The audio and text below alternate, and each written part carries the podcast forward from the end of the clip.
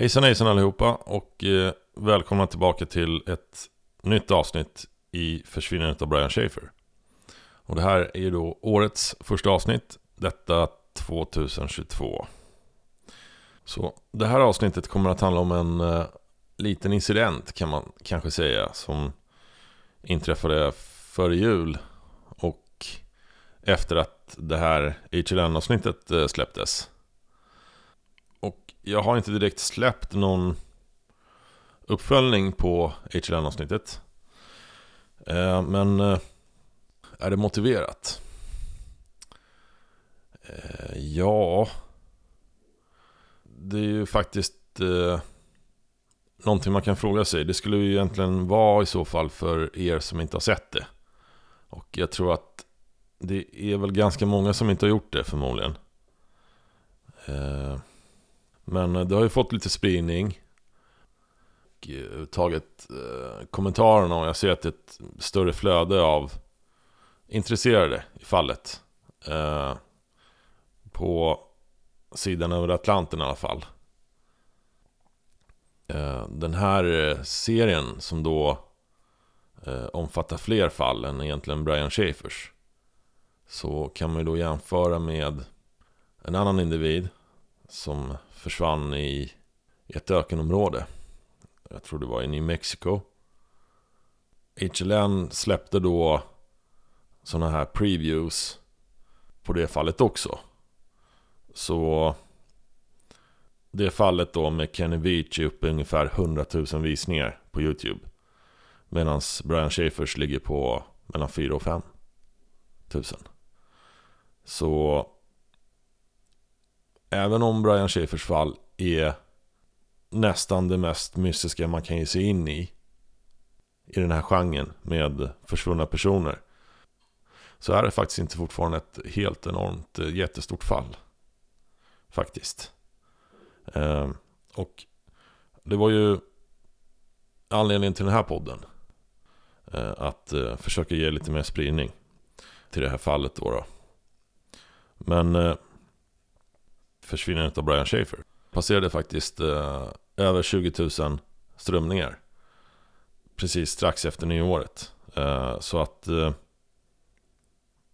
det är många nedladdade avsnitt. Och eh, ni är många som har lyssnat och eh, fortfarande lyssnar. Så att det är jätteroligt, verkligen. Eh, och eh, det ger så att säga mer energi också till att fortsätta att eh, följa det här fallet. Eh, och eh, ibland släpps det nyheter. Men eh, ju fler ju bättre och Spotify har ju nu släppt en sån här recensions eller som en ratingmöjlighet. Så att det skulle verkligen uppskattas om ni går in och sätter ert betyg på den här poddserien. Det gör att man hamnar i någon slags true crime-lista där. Det gör det enklare att upptäcka försvinnandet av Brian Schaefer. Om man aldrig har hört talas om poddserien eller det här fallet. Och sen för framtiden så hade jag tänkt att eh, det kommer nog komma ett annat försvinnande. Och vi håller det lite varierat också. Eh, men tanken framöver är att komma med en, ett omarbetat generellt avsnitt om Brian Schaefers fall.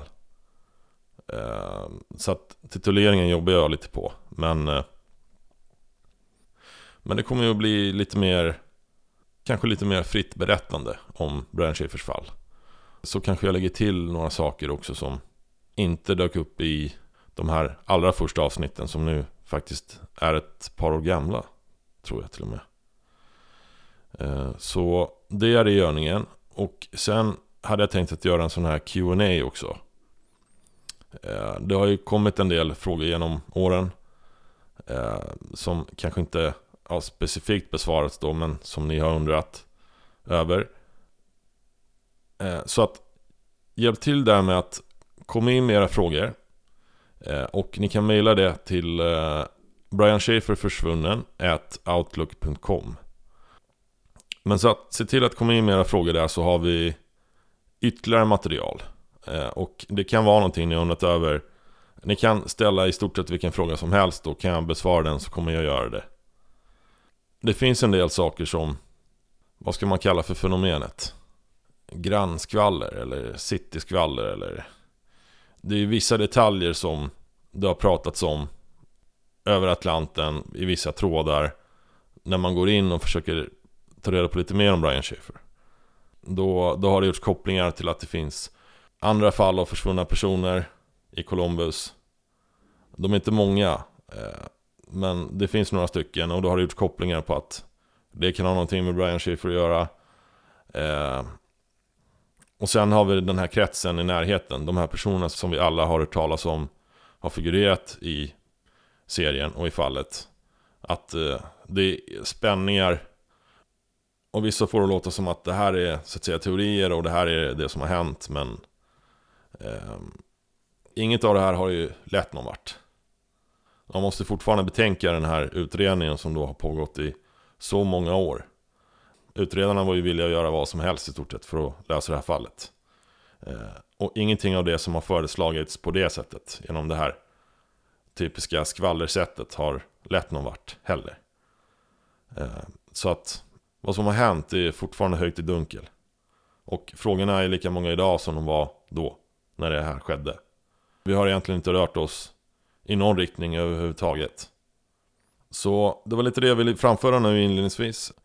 Så här kommer då det jag kallar för videosekvens debaklet.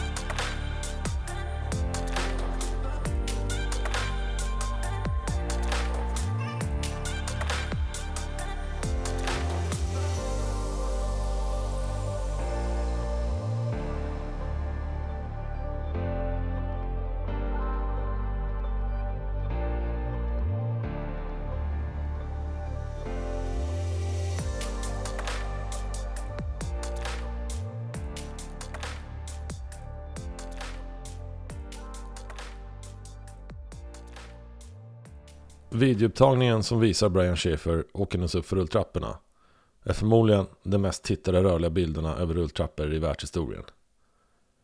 Det visar som bekant ögonblicket när Brian med hans vän Clint och Meredith strax kommer att anlända till baren Dagletornet Salona kvart över ett på natten den 1 april 2006. Bilderna är så överanvända, suddiga och pixlade och har kopierats och spridits i så många år att det knappast är signifikativt för hur det såg ut när det släpptes till media för över 15 år sedan. Att det ens är Brian vi får se får man nästan lita på. På den här poddserien och i delen om HLN-avsnittet som skulle släppas så passade jag på att nämna att videosekvenserna det visar när Brian Schaefer åker upp för rulltrapporna är den mest tydliga, skarpa och högupplösta jag sett hittills. För första gången kan man verkligen urskilja att det är Brian Schaefer som står där. Man ser till och med hans ansiktsdrag när han svänger åt höger mot barentrén. Och man blir direkt varse om det plaggen han bar den natten när han försvann. Ett par blåa jeans, vita tennisskor, en grön t-shirt över en långärmad vit tröja. Att de här rullande bilderna har tittats på om och om igen av alla som finner Brian Schaefers fall intressant är en understatement. Men jag upptäckte själv en liten detalj som jag missat alla de tidigare gångerna jag tittat. Nämligen att både Brian och för den delen även den ena polisen på upptagningen verkar spana in på en kvinna som anmärkningsvärt snabbt tar sig upp för rulltrapporna och går sedan rakt fram mot den här foajén utan att, att se ägna en sekunds tanke på barentrén som ju låg till höger. Så stirrar man sig blind på Brian är det lätt hänt att man missat detta.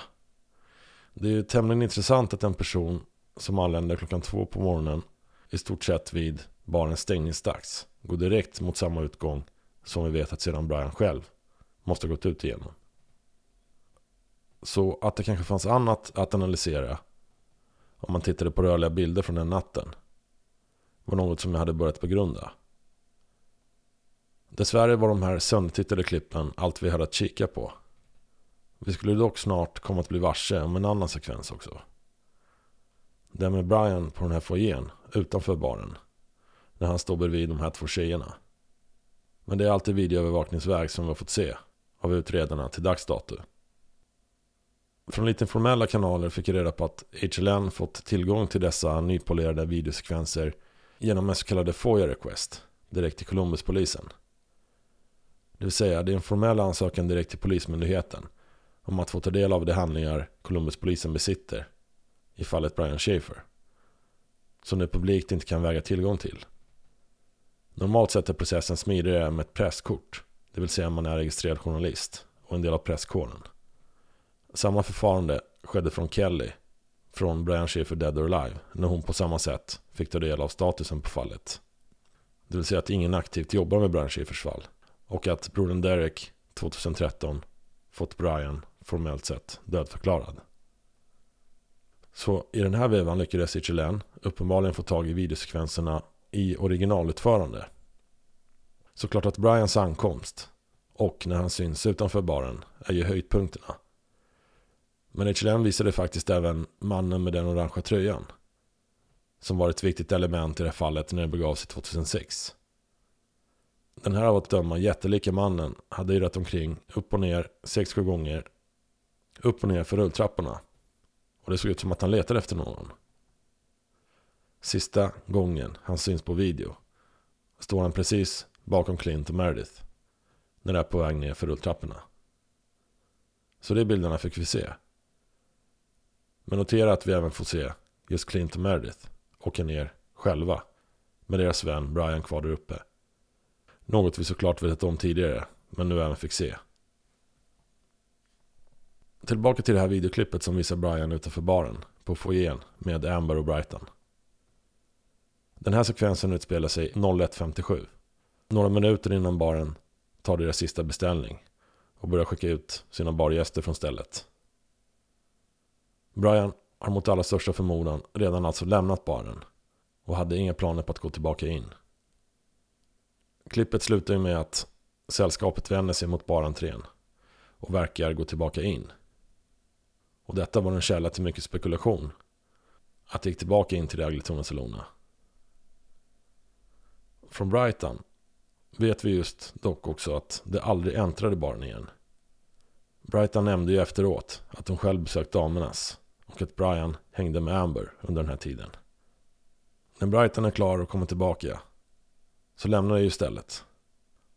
Och Brian står då kvar lutandes mot den här fejkväggen av plywood byggd för att skärma av byggarbetena som pågick och som i slutändan gav access till baksidan av Gateway-byggnaden. Så det här klippet var det tid i ungefär 10 sekunder. Men visade sin märkbart snabbare hastighet som får rörelser att se märkliga ut än vad det egentligen är i verkligheten. Det visar ju Brian bredvid tjejerna. Det har lite hetsiga manér för sig. Och det lämnar sedan ganska bryskt. Amber manar Brighton att gå iväg. Och Brian står kvar i några sekunder själv. Och sedan följer han efter. Och därefter tar ju klippet slut. I Echeleno-snittet så visar det samma klipp. Men nu, förutom i märkbart bättre upplösning, även utan klippta kanter och i realtid. Klippet vi har fått se tidigare framkommer nu har uppenbarligen blivit redigerad av Columbuspolisen. Brian gör en rörelse vi inte kunnat se tidigare. Kan det vara som så att de inte vill att vi skulle få se detta? Det man får se pågår alltså längre än tidigare. Och nu kan vi se att Brian står en knapp meter från polisofficeren. Brian tittar på honom och stoppar sedan handen i egen ficka. Han plockar upp vad som verkar vara hans telefon. Och så fort Brighton vänder sig om för att gå iväg så gör Brian en snabb rörelse med handen där han verkar släppa ner sin telefon i Brightons väska. Hon står och vänd ifrån honom med väskan mot skuldran utan att hon märker något. Brian står sedan kvar, som sagt i några sekunder, med händerna på höften utan en antydan att telefonen är kvar i hans ägo.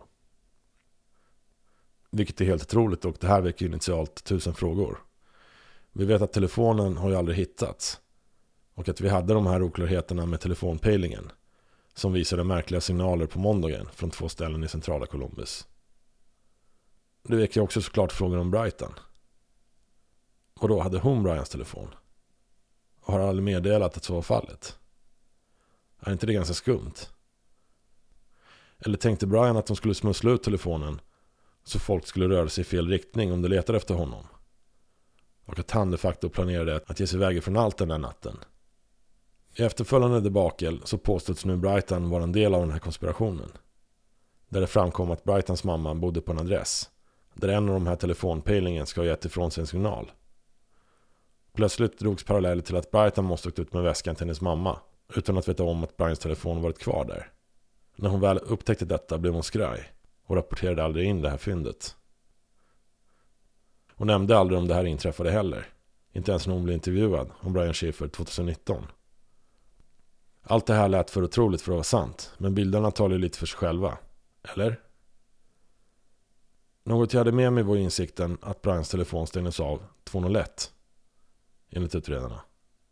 Minuten efter att sällskapet syns i klippet. Och detta var sista gången Brians telefon var påslagen. Men något i allt detta klaffar ju inte.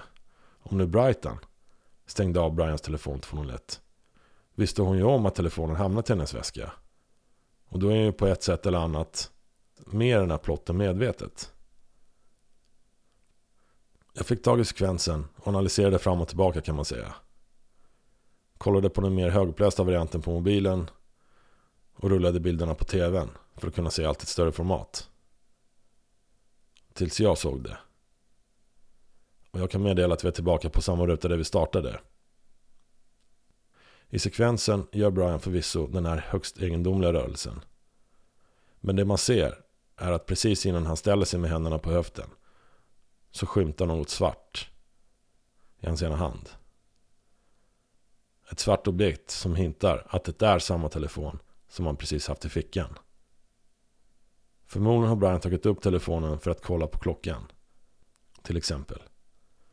Men tjejerna vänder sig om i samma veva. Och är på väg. Så den här konstiga rörelsen han gör.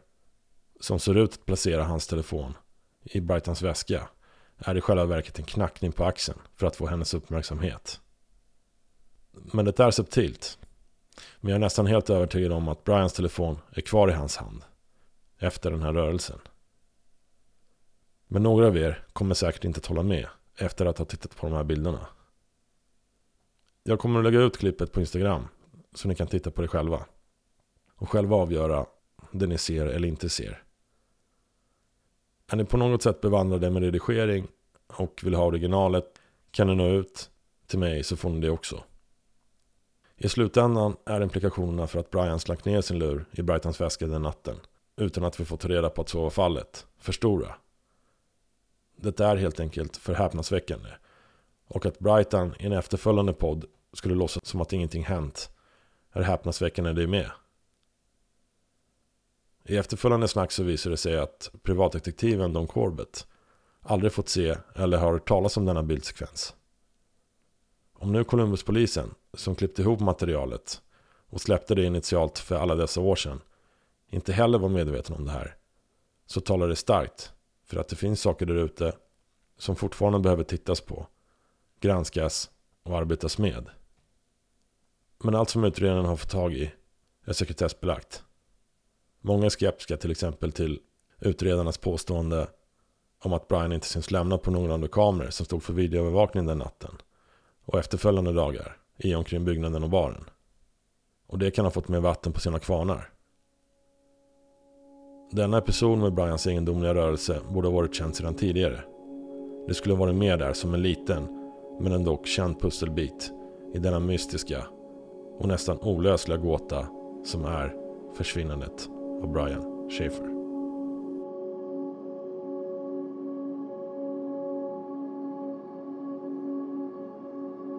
Tack så mycket för att ni lyssnade. Betygsätt och följ serien. Och ta en titt på Instagram. Till nästa avsnitt. Se jag